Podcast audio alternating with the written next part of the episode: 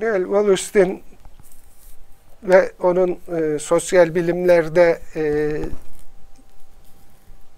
yol açtığı ya da e, gerçekleştirmeye çalıştığı dönüşüm üzerine konuşmayı düşünüyorum. 1930 yılında New York'ta e, doğuyor, Manhattan'da. E, 1929'da biliyorsunuz büyük bir e, iktisadi kriz e, başlıyor e, New York borsasında ve bütün dünyaya yayılıyor.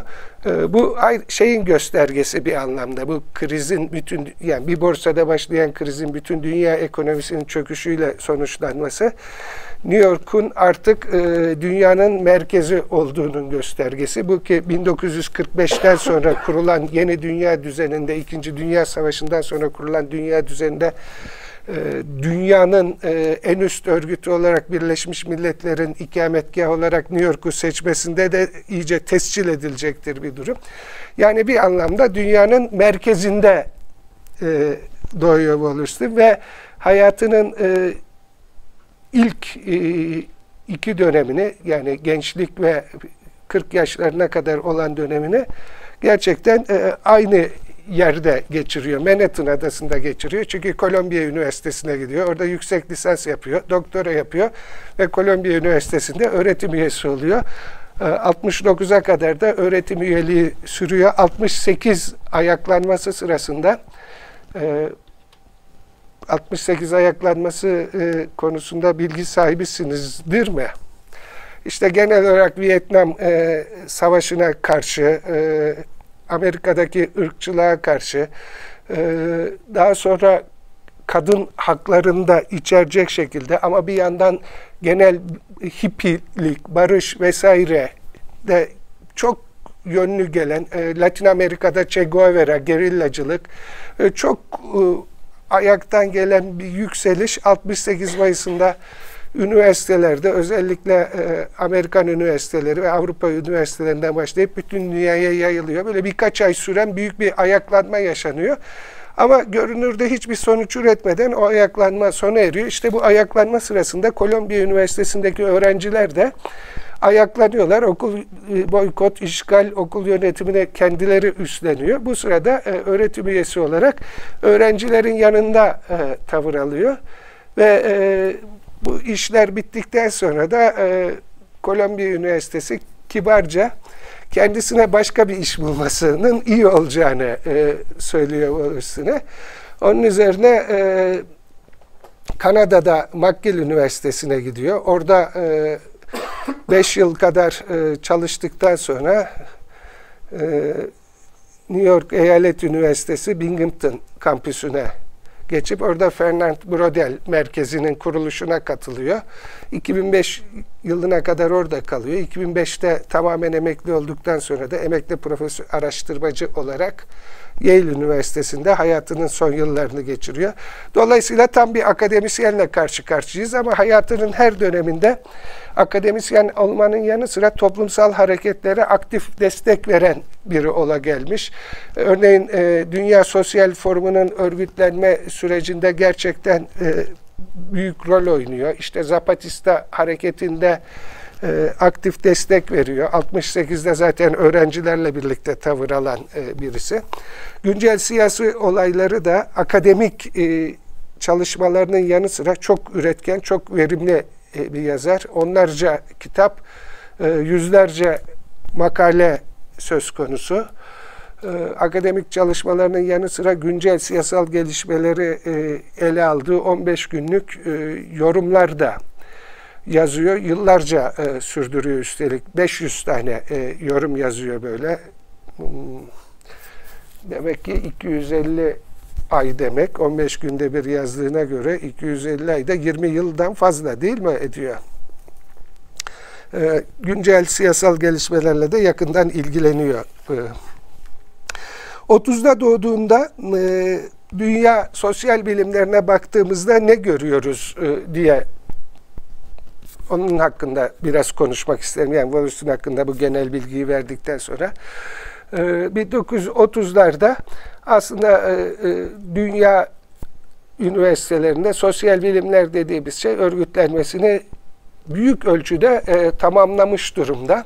Biliyorsunuz üniversite denilen kurum bir ortaçağ kurumu, ortaçağ sonrası kurum olarak başlıyor ve kapitalizmle birlikte e, bir dönüşüm geçiriyor. Eski o klasik ortaçağ üniversitesi diyebileceğimiz kuruma baktığımızda e, bir tıp fakültesi var, e, bir teoloji var. Sonra teolojinin içinden hukuk ayrışıyor, felsefe ayrışıyor.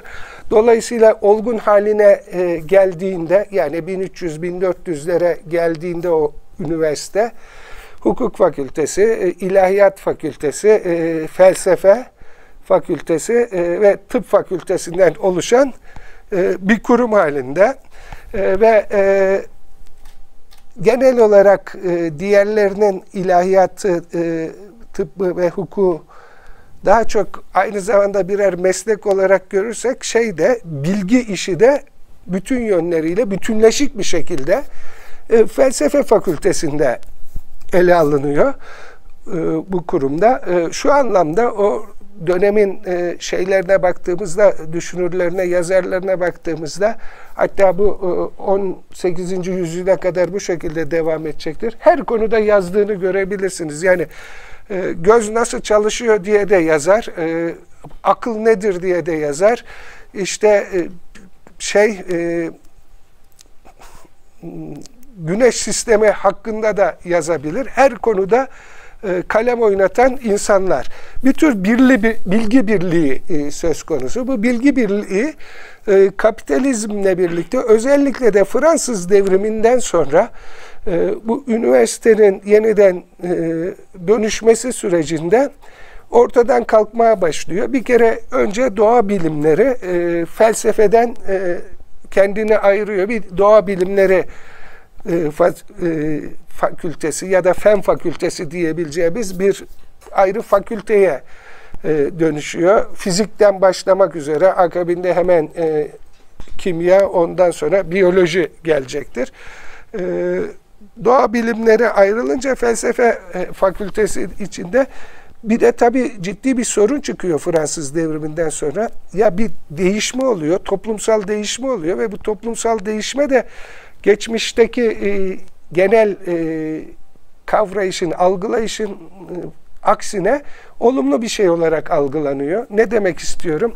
Mesela eski e, e, antik Yunan düşünürlerine bakarsak siyasal e, süreç, toplumsal süreç ya da aslında bir bozulma, bir yozlaşma süreci olarak gerçekleşir. Halka, değil mi Tansu? Bir halka var. İşte mesela şey vardır, e, iyi e, tek, iyi tek adam yönetimi vardır. O biraz yol bir çoğunluk iyi yönetimi olur. Ondan sonra şey azınlığın iyi yönetimi olur.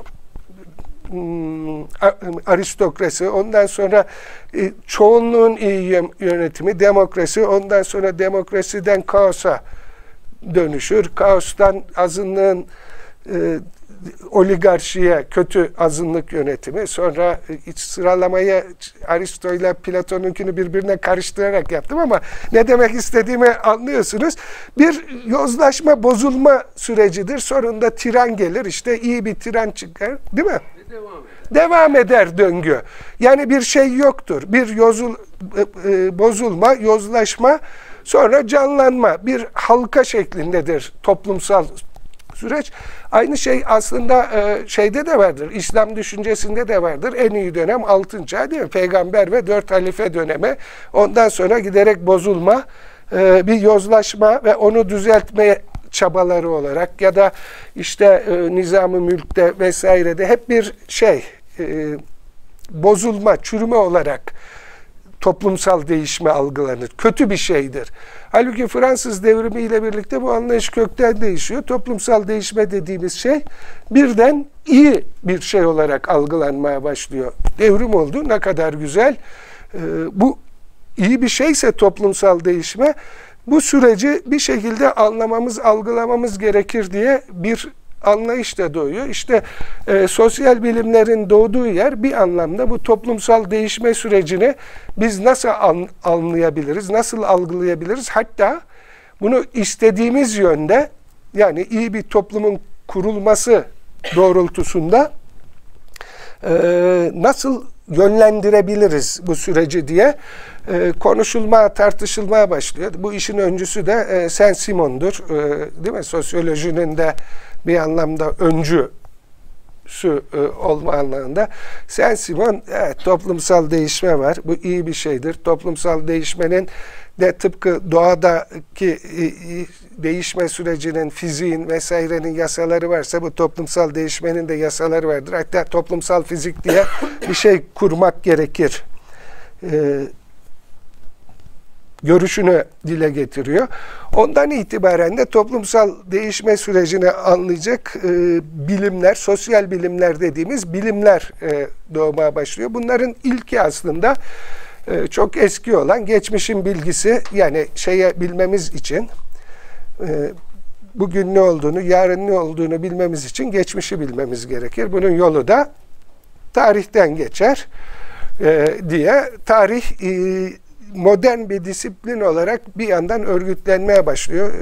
tarihçi de var burada. İrfan Ranke ile birlikte değil mi? Tarihçinin görevi var. Aynı e, olguları yani arşive girip belgeleri ne varsa açığa çıkartmak ve o olgulara uygun bir şekilde geçmişte ne olup bittiğini yazma gibi.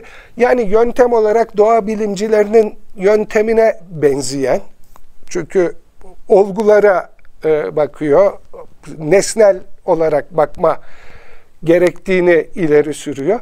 Ama bir yandan da tabii e, şeyden farklı olarak e, Yöntem olarak da e, daha çok beşeri bilimler yani felsefe, filoloji vesaire gibi bilgi dallarına benzer de bir yandan e, bir e, tasviri bir bilgi üretmeye çalışıyor. Yani doğa bilimlerinin yöntemiyle şeyin beşeri bilimlerin yöntemini birleştiren bir tarih disiplini ortaya çıkıyor.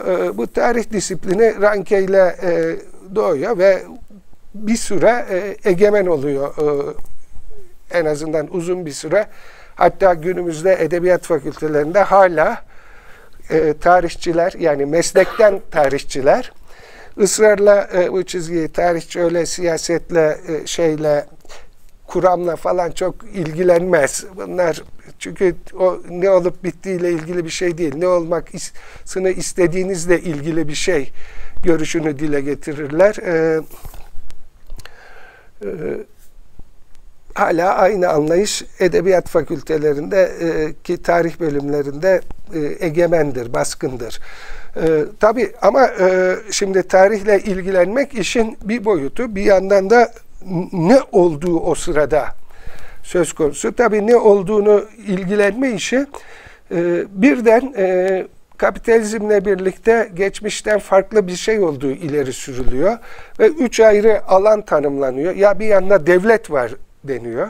Bir yanda toplum var, bir yanda da e, ekonomi dediğimiz bir şey var. Bunlar aslında birbirinden nispeten özerk, özerk e, alanlar ve bu ayrı alanları e, incelemek üzere de ayrı disiplinler oluşturalım. İşte devletle ne olup bittiğinin siyaset bilimi, toplumda ne olup bittiğini incelemek için sosyoloji, şeyde de ekonomi içinde önce ekonomi politik diye doğuyor ama sonra e, e, ekonomi ya da iktisat biçiminde e, ayrışacak olan e, üç e, disiplin ekleniyor bunun yanına. Ne zaman?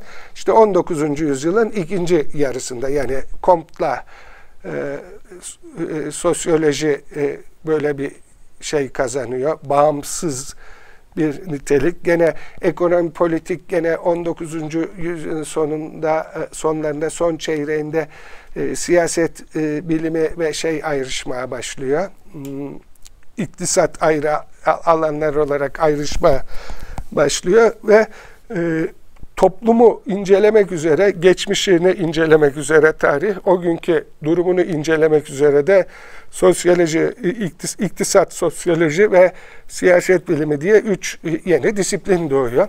Tabii ama şöyle bir şey var, bu disiplinler aslında bakıyorlar, ya bu nerede doğuyor? Batı Avrupa ve Kuzey Amerika'da doğuyor esas olarak ve onların toplumlarını incelemeye yönelik disiplinler. Halbuki e, Batı Avrupa ve Kuzey Amerika dışında geniş bir coğrafya var ve burada e, öyle pek de sosyolojiyle, iktisatla, siyaset bilimiyle e, ya da onun yöntemleriyle anlaşılamayacak olgular söz konusu. Bunların bir kısmı bir kere büyük uygarlıklar var. Yani 19. yüzyılda işte e, Osmanlı var, e, Safevi var, şey var, hmm, Hint var, e, Çin var, böyle büyük e, şeyler var. Bunları biz neyle ilgili inceleyeceğiz? Bunları incelemek için de başlangıçta şarkiyatçılık doğuyor. Bu şarkiyatçılık e, bir süre egemen olacaktır. Özellikle sömürgecilik döneminde ama sömürgeciliğin kötü bir şey olarak algılanmaya başlamasıyla birlikte şarkiyatçılık yavaş yavaş tarihin içine doğru kaçacaktır, saklanacaktır oradan. Ee, e, ama e, sadece tabii büyük uygarlıklar söz konusu değil, aynı zamanda e, tırnak içinde ilkel e, topluluklar da söz konusu. Bunlar modern toplumlarla, sosyolojiyle incelenecek bir şey değil. Tam aksine bunları anlamak için yazılı bir şeyler, tarihleri, o büyük uygarlıklar gibi yani Çin gibi, Osmanlı gibi, Hint gibi yazılı bir şeyleri yok. E, tarihleri yok. E, bunları incelemek üzere antropolojiye e, bilimi doğacaktır. Gene 19. yüzyılın son çeyreğinden başlayarak. Tabi hemen e, e, benzer bir şekilde aynı zamanda modern toplumların içinde de bayağı antropolojik olguların olduğu fark edilmeye başlanacaktır. Onlar modern toplumun içinde geçmişten kalmış kalıntıları incelemek üzere de etnoloji, halk bilim doğacaktır. Dolayısıyla 1930'da revolüsyonun doğduğu dünyaya baktığımız zaman yani ya da Birinci Dünya Savaşı'na şey yaparsak, e, sonunu daha net yaparsak e, bilgi dünyası bir kere e, olguları araştıran, ne olduğuyla ilgilenen ve bu ne olduğuyla ilgilenme sürecine mümkün olduğunca e, felsefi, siyasi vesaire düşünceleri katmayan, nesnel olma iddiasını ileri süren e, bir bilgi dünyası bir yanda ki bu doğa bilimleri ve e, sosyal bilimlerden oluşan bir bilgi dünyası. Diğer tarafta da e, ne olduğunun yanı sıra ne olması gerektiği, iyinin ne olduğu, güzelin ne olduğu, işte e, estetikmiş, e, filolojiymiş, felsefeymiş vesaire gibi e, doğa bilimleri cenahından bakanların biraz daha aşağı hakir gördüğü, e, ya işte şey duygularını karıştırıyorlar, şeylerini karıştırıyorlar bunlara diye e, hoş ya şey işte hakir gördüğü, açıkça dile getirmese de aşağı gördüğü bir e, ne olması gerektiğiyle ilgilenen bilgi dalı. Dolayısıyla o Ortaçağ Üniversitesi'nde her şeyle birden ilgilenen yani iyiyle de güzelle de nasıl olduğuyla da nasıl işlediğiyle de ilgilenen e, düşünce insanı ya da düşün bilgi üretme e, tarzı yerine tam aksine dünyayı farklı kompartımanlara ayırmış ve farklı kompartımanlarda inceleyen yani modern toplumların geçmişini tarih, e, o gününü sosyoloji, iktisat, siyaset bilimi, e, uygarlıkları şarkiyatçılık, uygarlık olmayanları antropoloji, modern toplumların içindeki geleneksel kalıntıları etnoloji, halk bilimi aracılığıyla inceleyen böyle e, parçalanmış bir bilgi dünyası ortaya çıkacak. Tabi doğa bilimleri gene aynı şekilde başka bir yerde duruyor. O doğa bilimleri hele bilimlerin gök kubbesinde e, yer alıyor. Hepsine yukarıdan bakıyor. Çünkü e, iddia şu, kesinliklerin bilimini yapmak. Kesin olanın bilimini. En kesinde e, fizik yasalarında geçerli. Normal şartlar altında su 100 derecede kaynar. O koşullarda her yerde evrensel geçerli kesin bir yasa değil mi? İşte ya da şey Newton'un cisimler birbirlerine kütleleriyle doğru bir uzaklıklarına e, karesiyle ters orantılı olarak birbirini çekerler. Kesin bir şey. Sonra böyle olmadığı bu kadar kesin olmadığı her şeyin açığa çıkacaktır sonra. Yani günümüzde fizik bilimlerinde de bu kesinliği e, ileri süren yok da bu şey anlamına gelmiyor.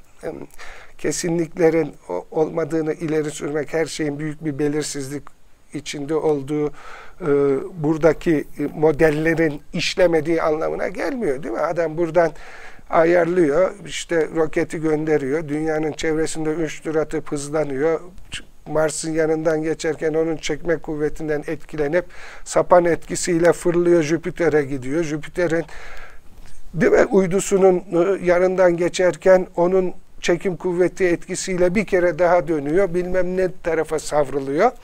Şimdi neredeyse dakika dakika, saniye saniye, yıl, birkaç yıl sonra nerede olacağını gönderdiği uzay aracının bütün bunları hesaplayarak belirleyebiliyor. Yani e, şey anlamayalım, kesinlikler o kadar kesin olmadığı açığa çıktı derken her şeyde lafı havacıvaymış bunlar tümden uyduruyorlarmış gibi bir şey söz konusu değil. Onun işlediği bir alan var.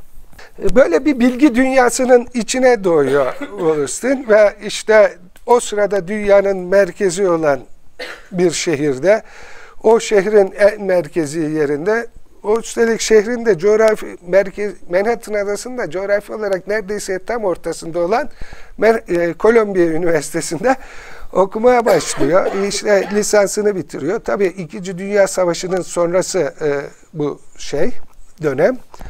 E,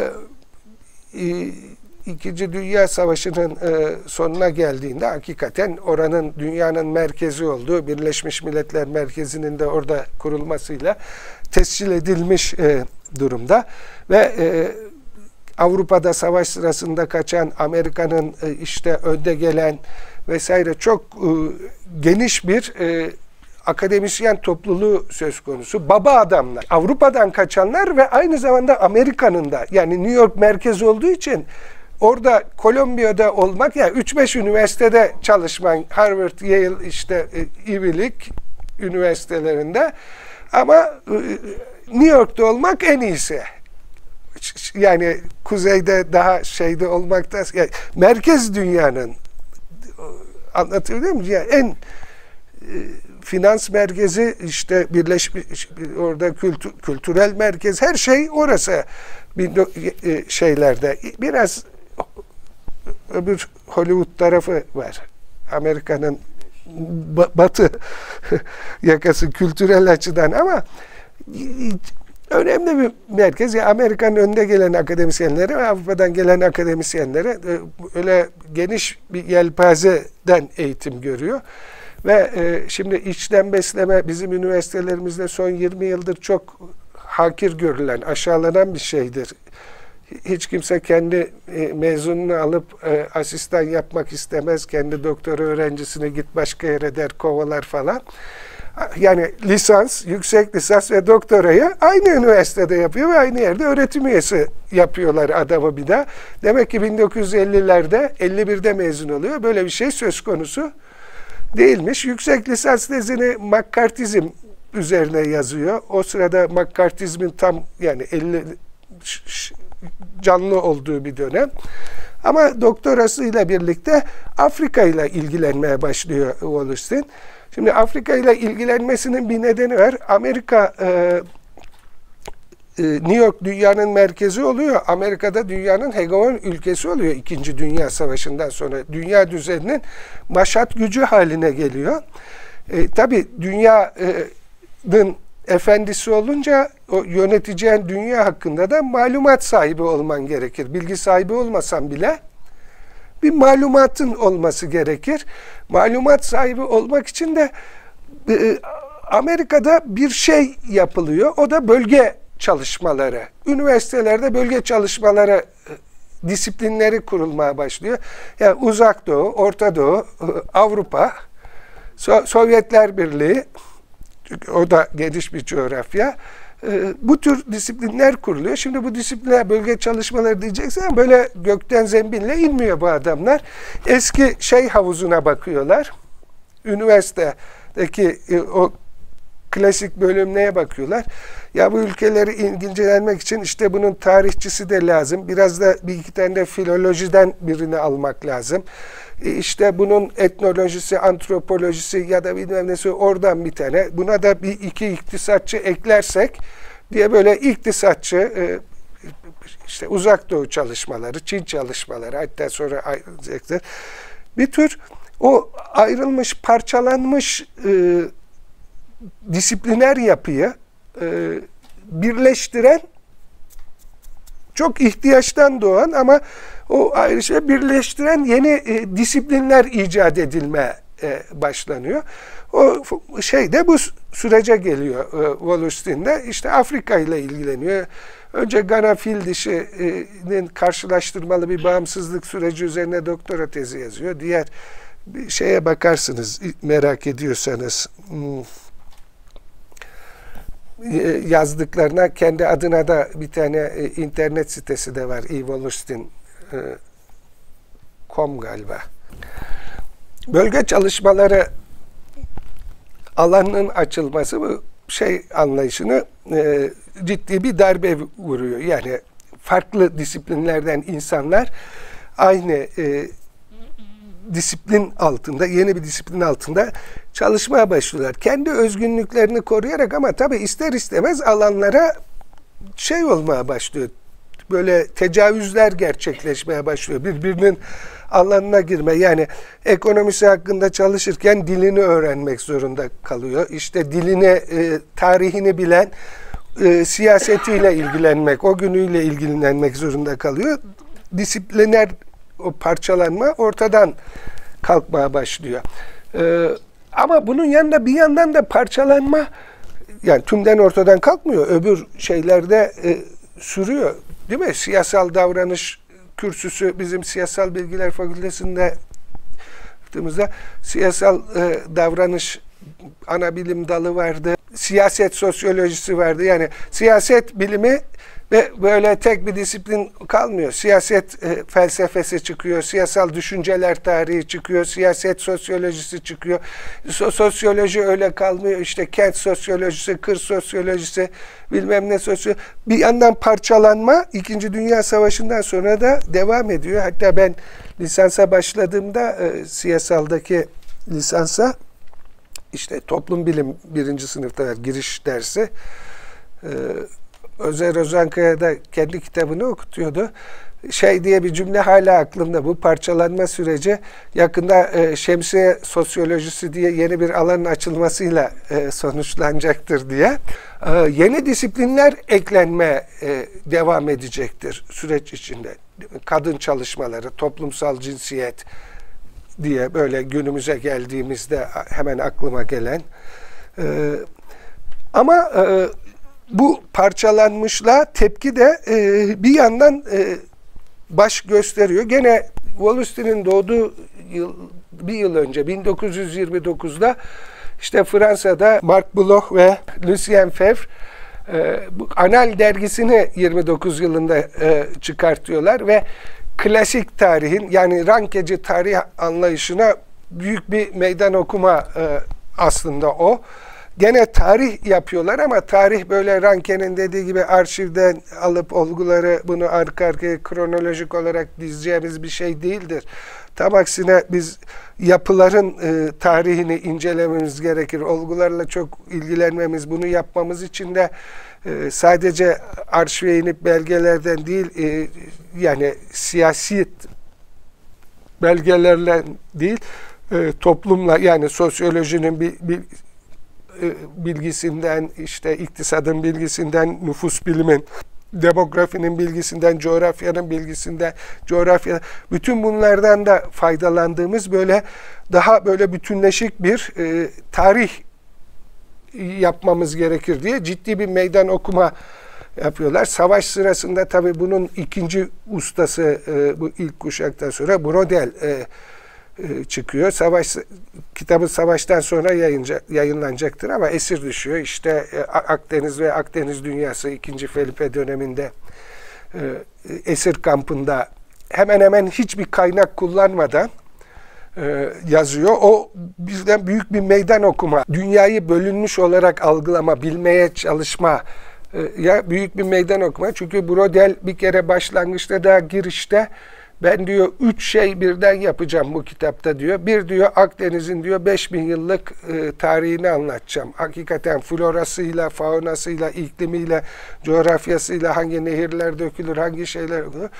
Akdeniz'i anlatıyor. Ondan sonra ikinci olarak diyor ben diyor son 150 yıldaki bu Akdeniz dünyasının nasıl kurulduğunu ikinci Felipe gelirken işte Cenevizliler, Venedikliler, İspanyollar, Portekizliler, Osmanlılar bu, bu 150 yıllık süreci anlatacağım. Bunun içinde de ikinci Felipe, İspanyol kralı e, hangi kararlar almış, siyasi kararlar, bütün bu bağlamın içine yerleştireceğim, anlatacağım diyor.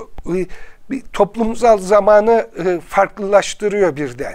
Yani e, geleneksel tarihin böyle kronolojik olayların ardı ardına dizildiği bir tarih, şey zaman anlayışının ötesine sıçrıyor. Farklı zamansallıklar kuruyor. Aynı zamanda kendini sadece siyasi olanla sınırlamıyor. Tam aksine yararlanabileceği bütün alanlardan yararlanarak onun kararlarının neyin etkilemiş olduğu, nereden olduğu tek bir adamın yararlanarak bunu yapmaya çalışıyor. Bu büyük meydan okuma e, başka bir şeye de değiştiriyor. O güne kadar e, Fransız devriminden itibaren gelişen bilimlerin bütün incelemeleri aslında iktisatla ilgileniyorum, toplumla ilgileniyorum, siyasetle ilgileniyorum. Bunlar ayrı alanlar iddiasında bulunsalar da sonunda bir devletle ilgileniyorlar hep. Yani e, e hatta bunu e, büyük muhaleflik iddiasında bulunan Marksistler de aynı şeyi e, e, yapıyorlar. Ne demek istiyorum bir devletle ilgileniyorlar derken? Ya işte Hindistan bağımsızlığını kazanıyor, Türkiye modernleşiyor, e, Almanya'da e, e, devrim oluyor, Fransa'da devrim oluyor, İtalya, Almanya ulusal birliğini sağlıyor. İşte anlatabiliyor muyum? Ya yani ülkelerde bir şeyler oluyor hep. An, an? Birimler Birimler e, ülke iktis ekonomiyi de incelerken yani Türkiye ekonomisi, Japonya ekonomisi, Almanya ekonomisi, Fransa ekonomisi, İngiliz ekonomisi gibi e, toplumu da incelerken aslında aynı şeyi yapıyorlar. Ya Alman toplumu, Fransız toplumu, Japon toplumu gibi ülkeleri analiz birimi olarak alıyorlar. Brodel tabi bunu alt üst ediyor. Bir de belki de en e, karşı çıkışı. Çünkü kitabın adından da anlaşılacağı gibi analiz birimi bir ülke değil, bir deniz. Akdeniz. Yani ben Akdeniz'i inceleyeceğim diyor. Akdeniz'in içinde İspanya kralının yaptığı sonunda işte orada olan bir şey. O Akdeniz'de 5000 yılda neler neler oldu diyor. Her şey değişti. Ee, anlatabiliyor muyum? Bir denizi analiz birimi haline dönüştürüyor. Çok bu çok öncü, çok sarsıcı e, bir düşünce. E, şimdi tekrar e, buradan bu karşı çıkışlardan e, iki karşı çıkışa değindikten sonra Wallerstein'e dönersek e, Wallerstein e, bütün bu ortamda yani bir yanda gittikçe parçalaşan, parçalanan e, şeyler, disiplinler, e, bilgi dünyası diyelim. Bir yanda da bunu birleştirmeye yönelik girişimler. Ama hiçbir zaman üniversite sistemine egemen olamayan girişimler. Çünkü o parçalanmış yapı, bölüm yapısı, fakülte yapısı varlığını sürdürmeye hep devam edecektir. Bunu birleştirmeye yönelik de bölge çalışmaları ve e, anal ekol gibi yani biri daha e, sosyal bilimler alanından gelen, yani biri daha sosyoloji, e, iktisat, siyaset bilimi alanından, biri de tarih alanından gelen e, e iki e, girişim var. E, biri çok pratik nedenlerle ortaya çıkmış. Amerika'nın dünyayı e, yönetmek için malumat sahibi olma ihtiyacına hızlıca cevap verebilmek üzere üstelik yani. Ya 45 bunu yapmalar lazım adamlar. Çatır çatır kuruyorlar. Ee, bizim Eberhard da değil mi falan onlar Çin uzmanları bu Almanlar gelip 30'larda burada olanlar hepsi Amerika'ya gidiyor orada çok meşhur oluyorlar. Şu anlamda önemli bu çünkü e, bir süre önce e, en muteber fizikçiler, kimyacılar, biyologlar, ondan sonra iktisatçılar geliyor, ondan sonra sosyologlar geliyor, siyaset bilimciler. Bu filologlar, milologlar da işte ya işte bunlar da var adet yerini bulsun diyor. Birden adam Çin deyince lan bize Çin lazım, Çin hakkında hiçbir şey bilen yok. Yani ne iktisatçı var, ne e, siyaset bilimci var, ne toplum bilimci var. Kim biliyor Çin'i? Çin'i işte filologlar, beğenilmeyen adamlar biliyor. Bunlar bir de muteber insanlar haline dönüşüyorlar. Büyük üniversitelerde bunlara olanaklar tanınıyor bu bölge çalışmalarına. Tabi sırf onlar değil.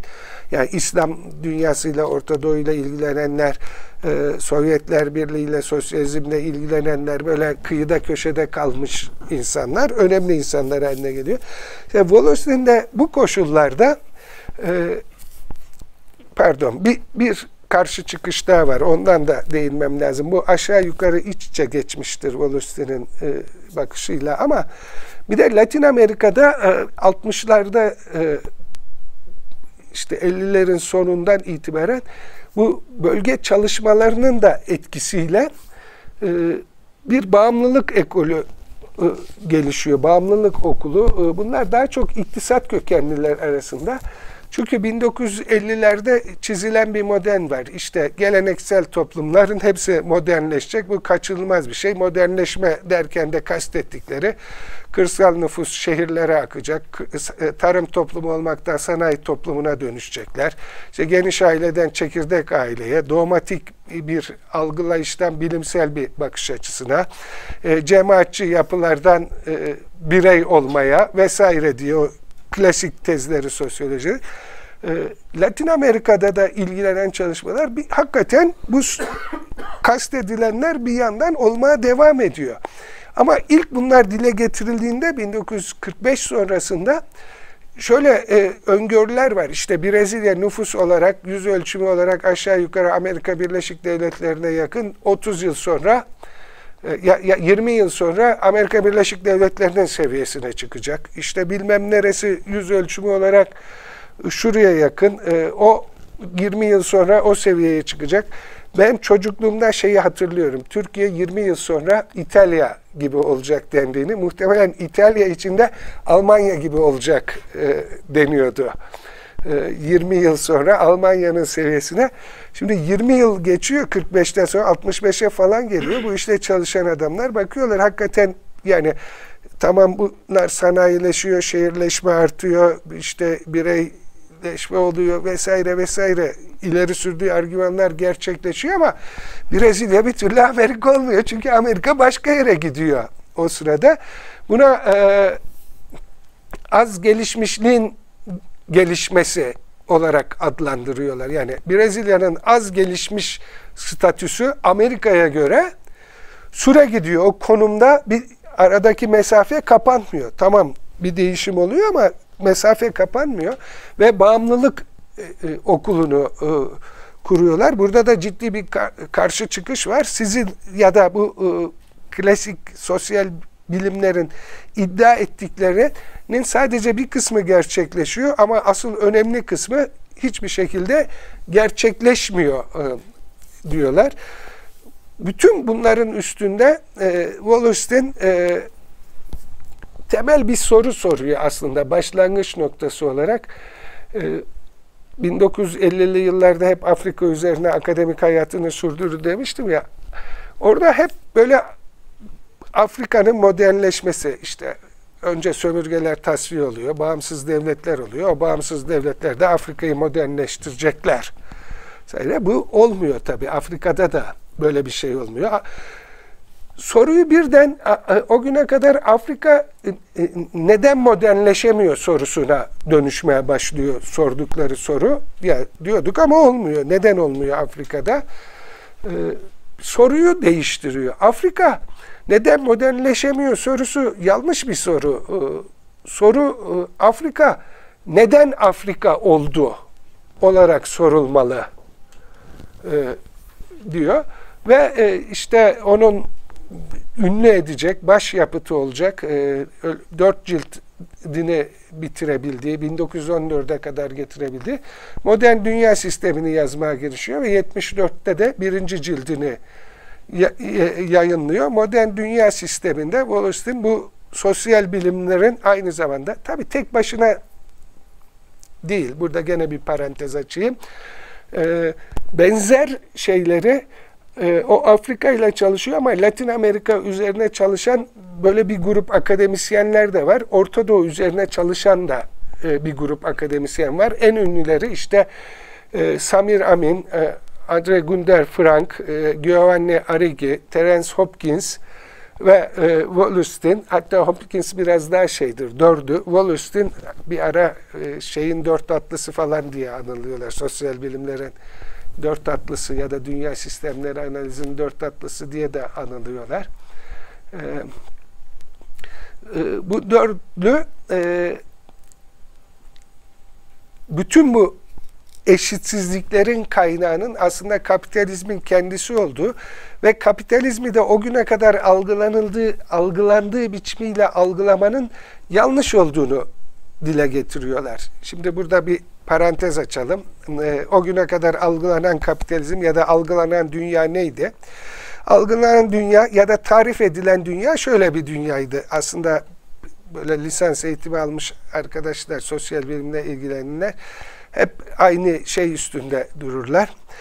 İşte e, Orta Çağ vardı. Orta Çağ'ın içinde bağımsız kentler ortaya çıktı. Bu kent, bağımsız kentlerde burjuvalar yaşıyorlardı. Bu burjuvalar kapitalizmi e, geliştirmeye başladılar. Bu kapitalizmin gelişmesi sonunda bir ulusal pazar düzeyine geldiğinde bunlar ayaklandılar ve e, bu sırada mutlakiyetçi krallıklar kurulmuştu. Ayaklandılar, devrim yaptılar ve e, işte cumhuriyetleri ilan etmeye başladılar değil mi? Tipik örneği 1789 Fransa ama e, ilk örneği e, 1640 İngiltere aslında e, kralın kafasını kesip cumhuriyet ilan ediyorsun ve e, ulusal egemenlik doğrultusunda yoluna devam ediyor. Tabi böyle olunca birden o ülkeler sanayileşmeye e, başlıyorlar, geçiyorlar değil mi? İngiltere ilk sanayileşen hemen Fransa izliyor akabinde onu. E, yani siyasi devrimlere sanayi devrimleri eşlik etmeye başlıyor. Ve kapitalizm buradan doğup gelişiyor. Her ülkede de bir tür kapitalizm işte ticaret sermayesinin zaman içinde sanayi sermayesine e, dönüşmesi, sanayileşmeyle ve bir siyasal devrimle gelişen bir şey olarak algılanıyor. Tek tek ülkelerin de bu macerayı e, yaşayacağı iddia ediliyor. E, klasik bakış açısı bu.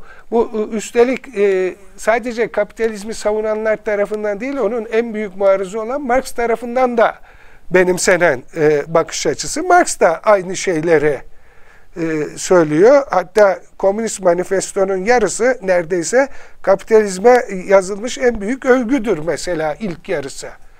Bugüne kadar işte piramitleri, Roma su kemerlerini, bilmem neleri aşan, kat kat aşan mucizeleri gerçekleştirmek kapitalizme nasip oldu vesaire diye o üretici güçlerin önündeki bütün engelleri kaldırdı. İşte şeyler ya hakikaten ilk bölümü e, büyük bir kapitalizm övgüsü biçimidedir ve o açıdan e, söyledikleri e, yani Adam Smith'le Ricardo ile çok da farklı değildir. Buna karşı çıkar sonra ama anlayış budur.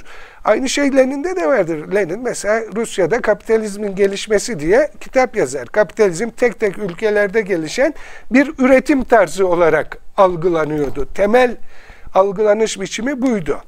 Ee, şimdi Wallerstein'in yaptığı ya da dünya sistemleri analizi verilecek olan daha sonradan ve birbirinden farklılıklar olmasına rağmen bir dizi araştırmacının, akademisyenin yaptığı şey e, bir, bu klasik anlatıyı sona erdirmek. İkincisi sosyal bilimlerin o parçalanmışlığına son vermeye çalışmak. E, üçüncü olarak da yeni bir disiplin inşa etme çalışmak. Ama yeni bir disiplin derken üniversitede diğer disiplinlerin arasına girmiş yeni bir disiplin değil. Bilgiyi tekrar eskiden bir olan sonra kapitalizmle birlikte parçalanmış olan bilgiyi tekrar bütünleştirme çalışmak. Yani aynı anda hem olanın incelemek hem olması gereken üzerinde durmak, iyinin, doğrunun, güzelin hepsini e, birleştirmeye çalışma girişimi olarak gündeme geliyor ve kendilerini de öyle takdim ediyorlar. Ne yapıyor peki? Bir kere birinci olarak ilk yaptığı şey e, yeni bir analiz birimi dile getiriyor. Bu yeni analiz birimini de tarihsel sistem olarak adlandırıyor. Tarihsel sistem derken e, tıpkı bir insan gibi, bir canlı gibi doğan, yaşayan ve ölen bir olgudan söz ediyoruz diyor. Bunu sistem yapan şey de diyor, bu doğumunda aşağı yukarı beliren ve e, ölünceye kadar e, varlığını sürdüren yapısal iş bölümüdür diyor. Yapısal unsurlardır diyor. Yani bir yanda tarihselliği, bir yanda yapısallığı bir kere birleştiriyor burada. Bakın bu şu anlamda önemli. Tarih vardı bir yanda. Bir yanda da yapılarla ilgilenen sosyoloji, iktisat vesaire şeyler vardı. Biraz tarih dışı hatta neredeyse. Bu ikisini bir kere birleştiriyor. Tarihsel sistem diyerek. Yapısalla tarihsel olanı, yapıların tarihine. İlk defa hep e, bunu söylemiyorum bazen atlıyorum vurgulamam lazım. Gerçi başta değindim ama bu girişim ilk değil. Başka girişimler var böyle. Yani bölge çalışmaları, e, işte e, anal ekol vesaire ama bu kadar sistematik bir şekilde ilk defa hepsi birden bu kadar sistematik bir şekilde ilk defa yapılıyor. Ve bunu söyledikten sonra da tarihsel sistem diye yeni bir analiz birimi ile söyledikten sonra da her tarihsel sistemin bir ayırt edici özelliği vardır diyor. Ona ne olduğunu e, belirten bir ayırt edici özellik vardır. Bir de tipi vardır. Tarihe baktığımızda diyor insanlık tarihine aslında üç tane sistem tipi görürüz. E, bir tanesi dünya imparatorluklar. E, dünya imparatorlukla kastedilen imparatorluk olarak bir dünya olması, birden çok e, kültürü, geniş bir coğrafyayı tek bir siyasal merkezin, merkezi otoritenin e, kontrol etmesi, e, bunu kontrol ederken de sadece siyasi olarak değil, ekonomisiyle, toplumsal ilişkileriyle vesaireyle kontrol etmesine kastediyor. Tarihte bunun örnekleri vardır diyor. İşte Çin böyledir diyor, Roma böyledir diyor, Osmanlı böyledir diyor. Ee, dünya imparatorluktur bunlar. Bizans böyledir. Bunlar 600 e, ila 1000 yıl yaşarlar. Son derece istikrarlı yapılardır dolayısıyla. Ama e, şey açısından böyle insanlık düşüncesi açısından da istikrara önem verdikleri için bozulmayı önlemeye bütün dikkatlerini yöneldikleri için e, gelişme, ilerleme vesaire diye olumlu bir şey atfetme anlamında bir şey taşımazlar. Ee, değişmeye olumlu bir şey atfetmezler hiçbir zaman. Bilinen örnektir, tarihçiler bilir. İşte 5. yüzyıl, 6. yüzyılda şey Ayasofya yapılıyor. 9. yüzyılda geldiğinde Ayasofya'yı yapan adamlar Ayasofya'ya tamir etme teknolojisini üret, unutuyorlar. Yani Roma tuğlası yapma unutuyorlar. Bilmem ne harcı yapma unutuyorlar. Tamir edemeyecek nokta. Çünkü imparatorluk böyle bir şey. Doğuş anında en parlak noktasında sonra giderek çöken. Ama son derece istikrarlı yapılar bunlar. Yani işte Pax Roma, Pax Ottoman vesaire diye de değil mi? Osmanlı barışı, Roma barışı diye hakim oldukları bölgelerde. İkinci tip diyor dünya ekonomiler. Dünya ekonomiyle kastettiği de ekonomik bir ilişkinin e, birden çok siyasi birimi, devleti birleştirdiği yani bağımsız çok sayıda siyasi birimin iktisadi bir bağla birbirine bir networkle bağlandığı ve kendi başına bir dünya oluşturan e, bir tarihsel sistemler İşte antik Yunan e, dünyası böyleydi. Bağımsız kentlerden oluşturuyordu. Bunlar ama iktisadi ilişkileri vardı ve ortak bir kültürün parçasıydılar. İtalyan kent devletleri e, böyleydi. İşte şeyde e, Çin'de savaşan devletler dönemi e, böyleydi gibi. Yani çok sayıda siyasi birim. Bunlar çok rekabetçiler, birbirleriyle çatışıyorlar. İstikrarsız savaş bilmem ne habire tarihleri böyle yazılıyor neredeyse.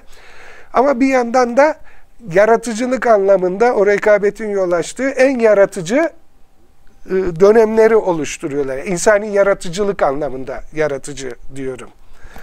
E, parlak dönemler bunlar. Yani Hans Zweig'ın mı vardır? Şeyin par, insanlığın parladığı anlar mı ne diye bir kitabı var. Böyle parlar orada şeyler. İşte antik Yunan dünyası, İtalyan, değil mi? Rönesans patlaması vesaire neyse. Ee, dünya ekonomiler bir de mini sistemler vardır diyor. Bu mini sistemlerde 50 ila 150 yıl e, sürerler. E, bunlar genellikle ya bir dünya ekonomiye ya bir dünya imparatorluğa dönüşürler ya da yok olup giderler. Buna örnek de ben veriyorum. Osmanlı Beylikler dönemi değil mi? İşte 1200 bin 400 arası e, dönemde böyle parçalanmış bir şey ama işte oradan bir dünya imparatorluk çıkıyor. Bir sürü örnek var tarihte ama genellikle bunlar yutulurlar diğerleri tarafından. Eğer diyor insanlığın oluşturduğu e, toplum dediğimiz şeyi işte e, analiz edeceksek bu tarihsel hangi tarihsel sistem tipine girdiğine bakmamız lazım önce. Sonra da o tarihsel sistem olabilir. Yani dünya ekonomi olabilir ama her dünya ekonomi birbirine benzemez. Her birinin ayırt edici bir niteliği vardır. Kendine özgü bir niteliği vardır diyor. Tabi her dünya imparatorluk da birbirine benzemez. Ayırt edici e, nitelikleri vardır. Mesela Roma her gittiği yere e, kapı yapar değil mi? Niye? Çünkü bir şehir meşruluk kaynağı şehrin kapısı. Osmanlı'da bir tane kapı yapmışlar. O da şeyin kapısı.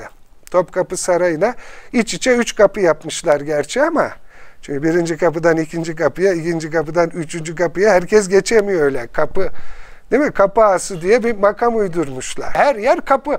Ama hep merkezde ve devletle. Ama öyle değil ki. Hadrian Roma İmparatorluğu her şehre kapı yapıyorlar. Ama bizde kapı şehire kapı yapılmaz, yaptırtmazlar. Ya böyle bir gelenek yok Osmanlı'da. Bizans'ta da yok. Roma'da var o. Çünkü burada şeyin kaynağı hanedan, meşruiyetin kaynağı. Hanedan kapı yaptırır. Onun kapısı vardır. Değil mi? Sarayı vardır, kapısı vardır. Böyle işler. Şehre Roma geleneğini tutturamazlar. Bir kere analiz birimi olarak bir tarihsel sistem. Her tarihsel sisteminde bir ayırt edici niteliği vardır diyor.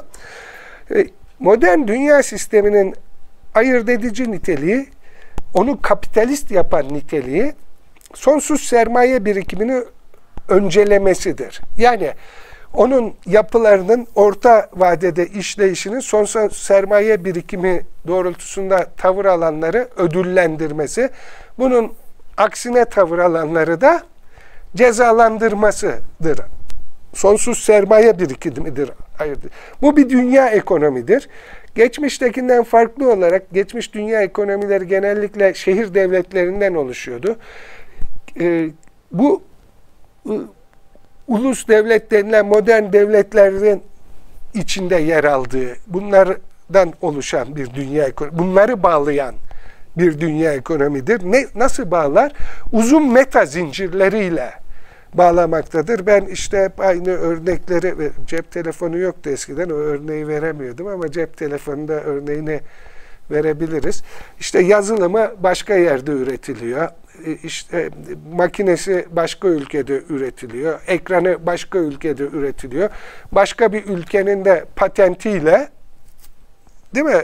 Malı olarak satılan bir şey. Kendi içinde e, bir yandan da şey var ama bunun ekranını kendi üretmiyor. Buna şey e, üret ekran üretenler var. Üç çeşit ekran üretiliyor. Birini alıyor. Her, hem her bir parçası neredeyse ayrı meta olarak üretiliyor. Pilini üreten var, ayrı pil üretiyor adam. Değil mi? Bilmem ne pil diye pil üretiyor. İşte e, içindeki mikro işlemciyi üreten var. Bu telefon için üretmiyor. Bir sürü şey aynı mikro işlemciyi kullanıyor. Telefonlar özel diye ama bir tanesi de işletim sistemi Android bilmem ne bu telefon için üretilmemiş. Bir sürü telefon kullanıyor. Yani bu bile birden çok metadan ve bunların her biri meta olarak üretiliyor. Nihai ürün değil, satılmak üzere. Ya yani kullanılmak üzere değil, satılmak üzere. Sonunda e, ve dünyanın farklı coğrafyalarında üretiliyor. Yani coğrafi olarak da uzun bir zincir oluşturuyor. Ama aynı zamanda nihai kullanım şeyine dönüşünceye kadar da bir sürü metanın birbirine eklemlenmesinden oluşuyor. Anlatabildim mi? Uzun meta zincirleriyle birbirine bağlanmış olan modern devletlerden oluşan ve e, sonsuz sermaye birikimini önceleyen bir tarihsel sistemdir kapitalizm diyor. Bu tarihsel sistem 16. E, yüzyılda Batı Avrupa'da ve Batı Avrupalıların e, Amerika kıtasını yağmalamasıyla doğmuştur diyor. Yani İspanyollar gidiyorlar şey altınlarına alıp getiriyorlar değil mi? Aztek altınlarını, İnka, Güney Amerika'daki kıymetli. Sonra orada gümüş madenlerini işletmeye başlıyorlar. Halkı köleleştiriyorlar ama yanlarında salgın hastalıkları da götürdüğü için yerel nüfus ölüyor. Ne yapıyorlar?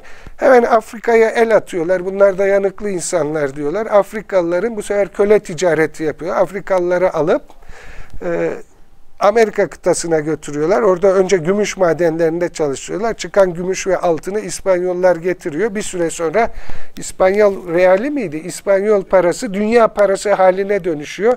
Çin'de bile geçiyor. Yani Osmanlı'da da geçiyor, İran'da da geçiyor, Hindistan'da da geçiyor.